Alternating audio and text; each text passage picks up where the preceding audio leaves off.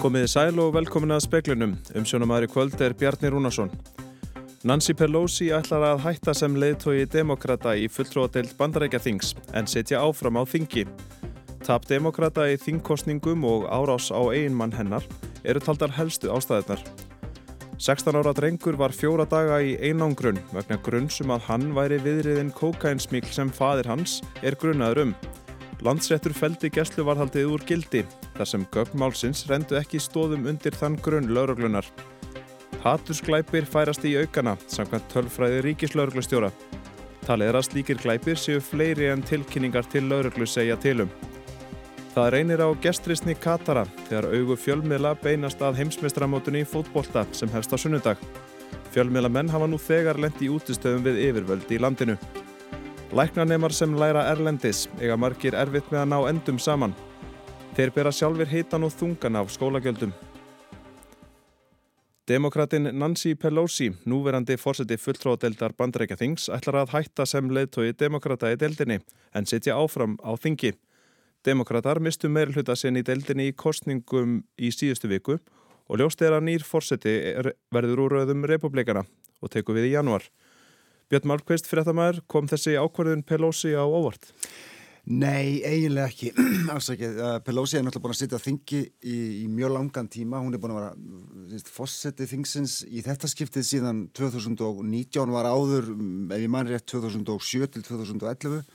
Uh, hún er 82 ára gömul hún var að segja frá því í ræðunni sem hún held að þingina á þann að hún kom fyrst í þingúsið 6 ára gömul það var 1946 árið eftir að, að heimstyrjaldunni síðar í lauk þannig að hún hefur lifað tíman að tvenna. Uh, Demokrater eru sjálfsögðu búin að mista sín meira hluta á þinginu. Það komi ljós í rauninni í nótt. Uh, republikana verða með svona nauman meira hluta í fullróadeildinni þannig að uh, Pelosi hefur greinilega svona ákveðið að nú er komin tími til að ný kynslu tæki við. Við skulum heyra hvað hún sagði í ræðinu sem hún held bara fyrir umtabil hálftíma síðan. And with great confidence in our caucus, I will not seek re-election to Democratic leadership in the next Congress. For me, the hours come for a new generation to lead the Democratic caucus that I so deeply respect. And I'm grateful that so many are ready and willing to shoulder this awesome responsibility. Já, hún greindi þarna frá því, hún ætlaði að hætta en setja það áfram og hún væri mjög ánæg með það hversu margir væri tilbúinu til þess að axla þessa ábyrð að vera leiðtói demokrata í minni hluta næstu tvö árin. Og hver tekur svo við sem fórseti fulltróðildarinnar? Það gerist í janúar þegar að nýtt, uh, nýtt uh, þingtekur uh, kemur runni saman, við minnum að það sé 7. janúar og það er nokkuð ljóst að það verður republikani, þeir eru runni meira hluta, verða með vantala 223-224 sæti, þurfa 218 meira hluta. Það er líklegast að það verði maður sem heitir Kevin McCarthy, hann hefur leitt uh, minni hluta republikana undan farin tvö ár, er svona handgengin Trump en þó hefur sínt sjálfstæðist tilbyrði Hann fór reyndar í kjör í gær og fekk 188 atkvæði en færað öllum líkindum 218, þau 218 sem hann þarf þegar þingi kemur saman.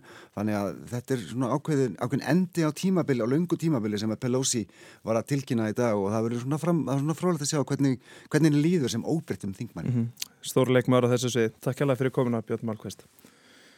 16 ára drengur sem handtekinn var í tengslum við rannsókn á kókainsmigli þurfti að vera fjóra daga í einangrun áður en landsréttur feldi gæstlu varðhald hans úr gildi. Dómurinn taldi að gögn málsins rendu ekki stóðum undir þangurun að drengurinn væri viðriðin kókainsmigl sem fadir hans er grunaður um. Sankvæmt upplýsingum fréttastofu var strákurinn ekki vistaður á Holmseiði eins og mikill meiruluti gæslevaraldsfanga heldur í viðöðandi úrræði fyrir börn.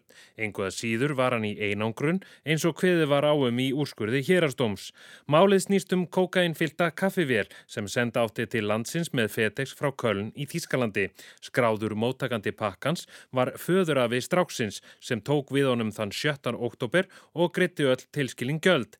Afinn er talin hafa verið grunnlausum kókainið en þar sem pakkin var stílaður á hann var sími hans leraður. Þetta var til þess að grunur vaknaði á lauruglu að sonur hans, Fadir Stráksins stæði á bak við kókainsmiklið ásamt öðrum. Fadirinn neytar sög og segist ekkert vita um pakkan sem hann sótti ásamt sinni sínum. Móðir Stráksins satt einni um tíma í gæsluvaraldi. Hún neytar allir í vitnisku um málið en hefur sagt í yfirrislum að hún sé mjög reið út í eigimann sinn fyrir að hafa blandað sinni þeirra í málið. Sónurinn harneytaði í skýslutöku hjá lauruglu að hann vissi eitthvað um innflytning fíknefna. Hann hefði ekki haft neina stjórn á aðstæðum, væri aðeins 16 ára og því barn sem gæti ekki borið ábyrð á gjörðum foreldra sinna. Freyr Gíja Gunnarsson tók saman. En hefur ekki náðst að meta umfang örskreiðunar sem fjall úr kræðufelli á Greinivíkurvegi í nótt. Greinivíkurvegur verður lokaður til morguns. Lokuninn verður endur metin í byrtingu í fyrramálið. Sveit Brynjólfsson, ofanflóða sérfæraengur á Veðurstofu Íslands, segir að ekki hafi þótt óhætt að vera á staðnum í dag þar sem ítrekkað hefur fallið úr sama sárinu. Hinga til hefur umfangið verið skoðað með kíki og út frá drónamyndum sem lauruglan tók af vettvangi. Hægt er að sjá myndinar á rúf.is. Á fyrirluta þessa árs voru átján brot tilkynnt lauruglu og flokku sem hugsanlegur hatursklæpur. Raunverulegur fjöldi slíkra glæpa er þó að líkindu mun meiri. Í fyrra voru 23 hugsanleir hatursklæpir skráðir hjá lauruglu sem er talsvægt meira en árin á undan. Fyrstu sex mánuði þessa árs voru þeir átnir átján. Marja Rún Bjarnadóttir er verkefnastjóri Stavarens Óbeldis hjá Ríkislauruglustjóra. Ég held að við lesum úr þessum tölum annars vegar það að það er ekki eh, nógu gott samhengi á milli raun atvika og þeirra atvika sem eru tilkynnt til lauruglunar. Það eru að okkur mati fleiri atvik sem eigir sér stað heldur en þau sem eru tilkynnt til okkar. Á síðustu árum hafa flestir hugsanleir hattursklæpir beinst að fólki á grundvelli þjóðarlegs uppruna. Í fyrra voru slíkmál 13 talsins. Í ár hafa hins vegar flest málinn tengst kynneigð eða kynvitund. Marja segir að tölur lauruglu öndurspegli ekki alltaf rauntölur brota sem eru framinn. Þessi gögn eru það sem við getum dreyið út úr lauruglukerfinu hjá okkur og lauruglukerfi speiklar alltaf í raun og veru lagaramman hverju sinni. Það sem ég held að við getum hins vegar alveg sagt er að það er bæði aukin vitund um þessi brot að þessi eiga sér stað og við erum líka búin að bæta verulega á síðustu árum eh, svona færni lauruglunar til þess að eiga við þessi brot segir Marja Rún Bjarnandóttir, Pétur Magnússon, saði frá. Íslenskir læknanemar Erlendis þurfa að greiða stóran hluta skólagjelda sjálfur og eiga margir erfitt með að ná endum saman. Félög námsmanna Erlendis vilja að útlutunarreglum mentasjós námsmanna verði breytt til að koma til móts við hópin. Áskorun er sem sagt svo að Ísland fari að styðja betur við íslenskar læknanema Erlendis segir Bjarki Þór Grönfeld, forseti samtaka íslenskra námsmanna Erlendis eða Síne.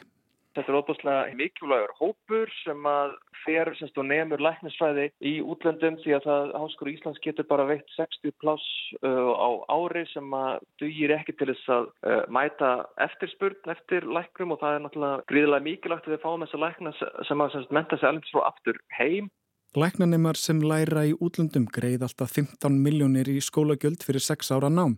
Í álíktun sem síne og félög læknanema í Ungverilandi og Slovakíu sendu frá sér í dag skora félögin á ráðherra háskólamála og mentasjóð til að veita þessum læknanemum lán sem duga fyrir skólagjöldunum. Lánu sem við getum þengið fyrir skólagjöldum dugar ekki einu sinni fyrir fyrstu þremur árunum. Arna Bjarnadóttir er formaður félags íslenskra læknanema í Ungverilandi sem læknanemar þetta er við mikið í skólanum og þurfum að taka verknám líka á sumrin í sumafríðin okkar sem er óleinað sem fyrir að það er þetta bara algjörlega ómögulegt fyrir okkur að, að þjena þennan pening til að brúa bílið sjálf. Einnig hvetja félögin ráðherra til að veita læknanum um sérstakann afslátt af hluta námslónsins þar sem mikill spartnaður fyrir Íslands samfélag fylgist í að læknar menti sig í útlöndum. Pétur Magnússon tók saman.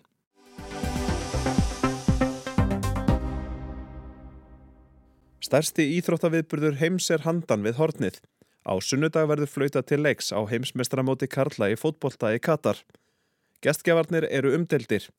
Mannrettindi og aðbúnaður fólk sem reisti gríðar stóra leikvanga hafa verið í brennidepli. Og nú streyma lið og fyldar lið til óljuríkisins og því fylgir fjölmiðlafólk allstaðar aður veröldinni og þá verða árakstrar. Frelsi fjölmiðla í landinu er ekki mikill.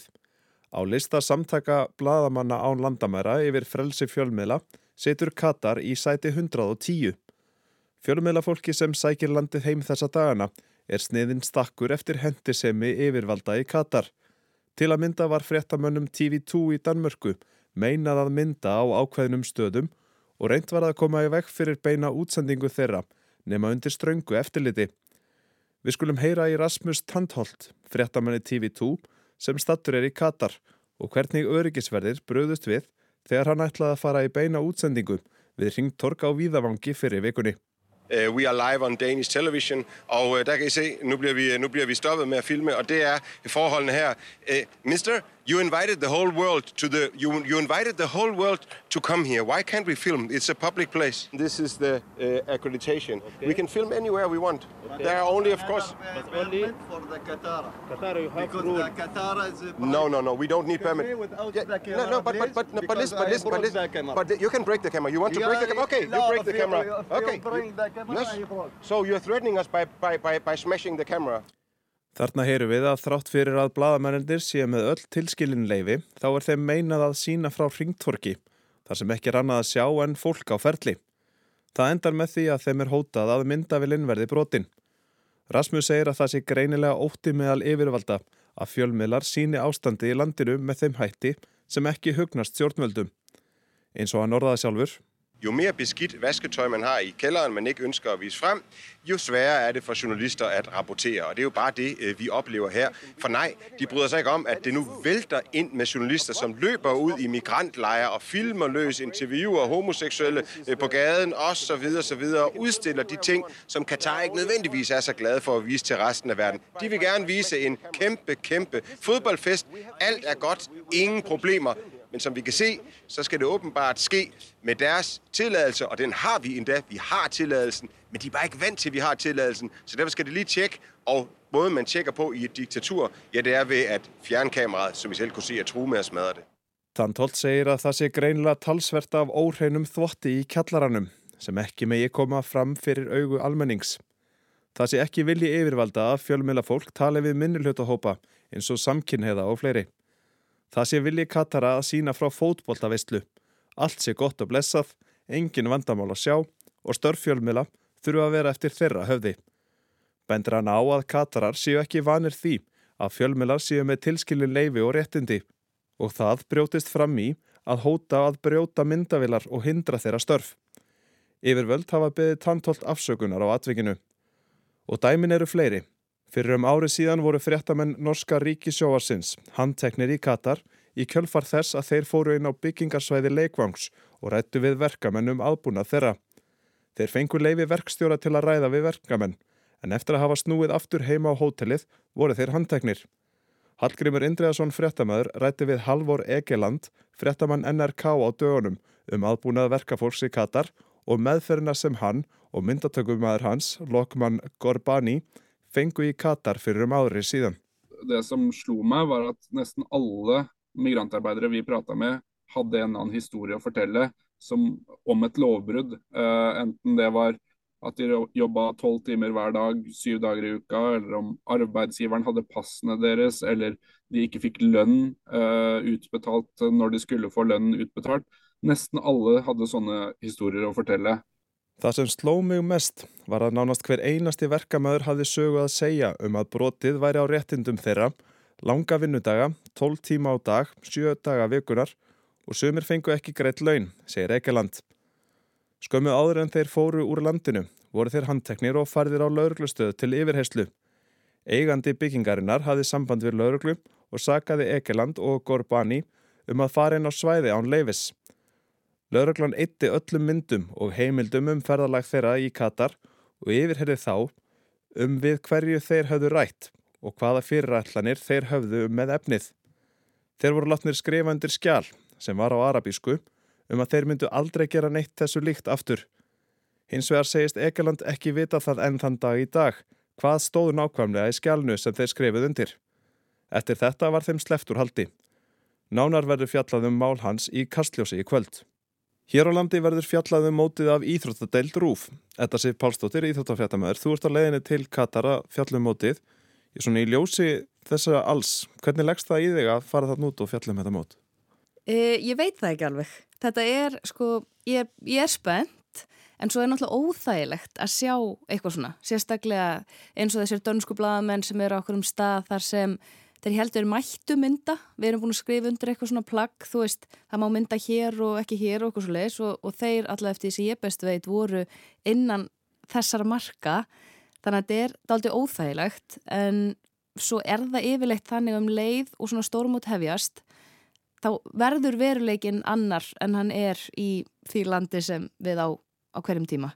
Þetta er bara, þetta eru svona búblur og það vilja allir að þetta líti vel út á á þeim tímapunkti þannig að maður er svona vona að þetta verði allt í lagi þó það sé náttúrulega líka þetta alltaf einföldun, er alltaf skrítið að koma inn í þessar aðstæður þar sem maður veit að ímislegt hefur gengið á og einhvern veginn láta kannski mestu leiti eins og ekkert sé mm -hmm. En hefur áhyggjur af því að ykkar störf verði hindruð með einhverjum hætti? Ekkert, ekkert brjálaðislegar en uh, ég fóð nú svona íþróttafréttamannar ástefnu í Noregi í vor og þá fengum við svona að heyra í þessum hérna, kollegum okkar á, á Norðurlöndum sem hafa verið að fara þarna út og, og einmitt þessum sem var handtekinn og svona. Og það virtist áldið vera svona bara trú flestra að þetta eigi að vera í lagi þegar þetta byrjar. En maður náttúrulega veit ekkert um það og maður veit ekkert hvort það verði einhver mótmæli eða það gerist eitthvað sem að kannski verður til þess að einhverju rýsi upp á afturfætuna. Þannig að mér líður þetta aldrei eins og ég sé svona bara að renna blind í sjóin og þetta verður einhvern veginn, ég hef aldrei komið þarna áður en ég var í Rúslandi fyrir rúmum fjórum árum og þá hafði maður svona smá áhyggjur einmitt fyrir bara hvernig verður þetta. En það var þannig að maður sá ekkert sem var ósæmilegt eða eitthvað skrítið, þú veist, það var bara þessi háum heimur og svona kannski gerir frekar áðferði að það verði þannig þó ég hef náttúrulega ekki hugmynduð það. Mm -hmm. Það segir að þið hafa fengið einhver tilmæli um það hvað, hvað megi, hvar megi mynda og, og hvað fælst í því? Ég í rauninni þekki það ekkert í grunninn, þú veist, þetta er bara eitthvað svona um, þú veist, þetta er bara eins og þau veist að kaupa eitthvað á netinu eða eitthvað, maður samþykir bara einhverja skilmála, skilru, og við bara gerðum það, þú veist að það með ekki verið í þessari götu eða þarna og ég veit í rauninni ekkert hverju það tengist sko. Svo bara stefnum maður á að, að reyna svona hlýða þessum fyrirmælum sem mann er gefin sko. En það er bara, þú veist, það eru bara þessi mismunandi svæði, þú veist, og ég veit svo sem ekkert af hverju það er, af hverju maður ekki mynda þarna eða eitthvað svo leis. En svo er mitt, fer svona smá hróllur um hann þegar maður sér að eins og danirnir áttu að vera þarna innan innan marka en það var samt eitthvað vesen og, og kataratnir er svo sem búin að beðast afsökunar á því þannig að kannski er þetta einhverju svona núansar eða eitthvað sem eru svona bara í aðdraðanda maður svona eiginlega vona það þar svo verður þetta bara klárt mm -hmm. Við sjáum hvað setur Takk hérlega fyrir að koma í speilin Þetta séf Pálsdóttir Takk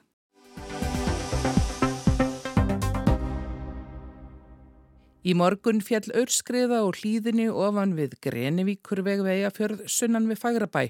Tveir bílar lendu í skriðinni, annar hefst með niður fyrir veginn eins og ægir Jóhansson lísti í hátægisfréttum. Hann var á leiðin í vinnuna árla morguns þegar hann óg fram á skriðuna. Ég næ ekki að hemla en, og keir inn í hana og hérna svo finnst mér svona eins og þegar að reyna að bakka að þá kemur bara önnur skriða á bílinn og og færir hann til á framann sem betur fyrir að þannig að hann fór ekki hann fór með svona framöndan eða undan. Þannig að hann, hann slappið að velta og, og hérna.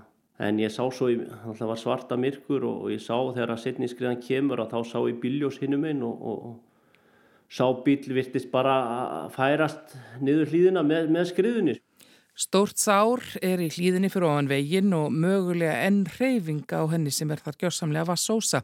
En Ester Hlýðar Jensen skriður sérfræðingur á veðustóni. Hvað kemur svona skriðu af stað? Það er rauninni, þegar við erum með viðvörunum skriður, skriðuföll og hættu á skriðin, þá er það uh, oftast í tengslu við úrkomu og ákafa úrkomu eða langvarandi úrkomu og svo staða hefur búin að vera uppi núna á Suðausturlandi og svona kringum helgi, rétt fyrir helgi og núna nokkra dagi þessari viku hafa, hefur verið úrkoma líka á Östfjörðum hins vegar hefur ekki verið úrkoma og er rauninni ekkert ringt á þessu svæði sem að skriðan fjall í morgun síðan að aðfarn á þriðudags og lítilrykning um helgina hafa ringti samt sem aður á sagt, 5. föstudag 30 mm sem er nú kannski mismunandi eftir stöðum á landinu en sagt, þá þessu svæði er það meira lagi en það rignir sagt, ofan í snjó sem kom í oktober og það gerir það verkum að þá bara að verða leysingar og, og vatn fyrir að flæða um allt. Það hefur verið óvenju hlýtt með yfir ástíma, svo hlýtt að það hefur haft áhrif á verklæðið og veðurstofinni. Það er óvanalegt að við séum til dæmis með skriðuvakt á þessum ástíma. Venjan hefur verið svo að skriðuvakt er á sumrin og snjóflávakt á vettuna og skiptin eru í kringum 15. oktober að þá er skipt um vakt en það var tekin ákverðun bara út frá hvernig þetta hefur verið síðustu ár bara bæði fyrra og uh, hitti fyrra þá fengum við skriður á þessu tímabili sem að eru snjóflóvaktin átti að vera í gangi. Það var ákveðið að vera með skriðuvakt samhliða. Þannig að við getum, þá er þetta skipta verkum. Það er kannski snjór ein, á einu stað á landinu og þá eru þau með snjóflóvakt á því svæði og svo getur verið rigning á, og skriðu hætta einhvers þar annar staðar. Á svæðum eins og að segðis fyrir þær sem íbúa byggðir talin geta verið hættu er búið að setja upp þjætt net mæla fylst með þeim allan sólarhingin og sérstaklega þegar úrkomaði mikil. Hins vegar er annar staðar á landinu þar sem ekki eru, sko, þar sem íbúa byggð eða húsnæði er ekki undir þá, þá er rauninni ekki þessi sama þjætta vöktun. Við erum til dæmis ekki að vakta vegi, það er í rauninni ekki okkar hlutverk að gera það. En hafa svona skriðuföll orðið tíðari? það er svona tilfinningin sem maður fær það er að má alveg í rauninni segja það, það við höfum ekki tekið það saman tölurna sko en, en það bara álægið á vaktinni er orði meira. Og við erum að fá svona hlákukabla það er ekki komin vetur fyrir en bara um áramót kannski. Þannig að það er svo breyting sem við erum að sjá. Og það kannski gerir það verkum að, að það, það spila saman að, að það er ekki sólaljós gætir ekki og það er ekki sama uppgöfun og, og jarfiðurinn er ekki að, að, að losa sig við raka á sama háttan eða svo úrkoma sem fellur og það, hún situr eftir þannig að það, það er svona að spila saman bara Er svipað kringustæður og voru þarna í hlýðinni fyrir ofan Grenivíkuveg núna í morgun víða um land akkurat þessa stundina, vitið það? Sko við vitum að það er fullt af setbungum sem er, er einhver, einhver reyfing á og við greindum í, í morgun kringum háti myndir sem að síndu að það hafði orðið einhverju millimetra reyfing sem er bara nokkuð eðlilegt. Er, þetta er svona, það, það liggja svona lausefni utan í hlýðum og það, það reyfist til. Það reyfist til þegar það frýs og, og svo þinnar og, og, og þess aftur. Og þetta er mjög algengt að svona er utan í hlýðum. Hins vegar þarf eitthvað fleira að koma til, það, það þarf, það, þetta er eitthvað á reyfingu og svo hugsanlega stíplast einhver farvegur. Það er mikið vatn á ferðinni á einhverjum ástæðum, hvort sem það er rigning eða, eða leysing og það stíplast og, og þá hérna sapnast það upp og það, það oft veldur einhver svona og það er erfitt að, að finna þá staði, þú veist sem að í rauninni svona þetta allt kemur saman og þess vegna getur við rauninni ekki vara við þessum leysingarskriðum. Nýlega fór á stað langtímaverkefni á veðastofinni þar sem metnar eru reyfingar í fjallslíðum til að greina hvort einhverju staði séu í sérstakri hættu og til þessa notaðar gerfitunglamyndir á þeim á sjá til dæmis smávægilega reyfingar í hlýðinni ofan við Greinivíkuveg þar sem skriðan hljóp fram í morgun. Það flög gerfitungl yfir bara rétt eftir að skriðan fellur og tók myndaði. Við eigum sagt, mynd af skriðinni bara stutt eftir hún fjall. Fyrir austan og á söðu austurlandi er líka fylst með úrkominni. Ester segir að þó spáð sé að úrkomi áfram verði ákjæðin ekki mikil og vindáttin frekar hagstað þannig að vætan hefur ekki skilað sér til dæmis niður á segðisfjörð ólíkt því sem var áður en stóru skriðunar fjallu þar í desember 2020. Anna Kristín Jónsdóttir talaði við Ester Hlíðar Jensen.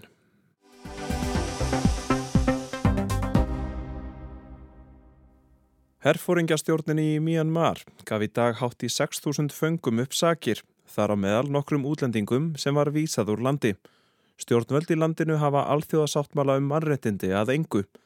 Fjöldi fólks er í haldi fyrir engar sakir. Í tilkynningu frá herfóringjastjórninni sagði að föngunum 5.774 talsins hefði verið sleft í tilefni þess að á þessum degi árið 1920 hófst andofs mjannmarskra námsmanna gegn nýlandu stjórn breyta. Það er talið marka upphaf sjálfstæðis baráttu þjóðarinnar sem leti til þess að hún varð frjáls og fullvalda árið 1948. Miðal þeirra sem voru gefnar upp sakir í dag er Viki Bóman sem var sendiherra breyta í Mjanmar á árunum 2002 til 2006. Hún var handtekinn í sumar og dæmdi eins árs fangelsi á samt Tein Linn eiginmanni sínum fyrir að hafa brotið lög um veru útlendinga í landinu. Henni hafði lásta tilkynna ráðamönnum að hún byggja annar staðar en skráð var í opimberum skjölum. Ástrálska hagfræðingnum Sján Törnel var einnig sleft í dag. Hann var efnahagsráðgjafi ríkistjórnar Aung San Suu Kyi sem herinn stefti af stóli 1. februari fyrra. Törnell var handtekinn skömmu eftir valdaránið. Domstól herfóringjastjórnarinnar dæmdan nokkur mánuðum síðar í tryggja ára fangelsi fyrir að ljóstra upp ríkislendarmálum. Einnig var japanska bladamanninum og kvikmyndagerðarmanninum Toru Kubota sleftur haldi. Hann fekk tíu ára fangelsistóm í sumar fyrir að hafa tekið þátt í mótmælum gegn valdaráni herfóringjana.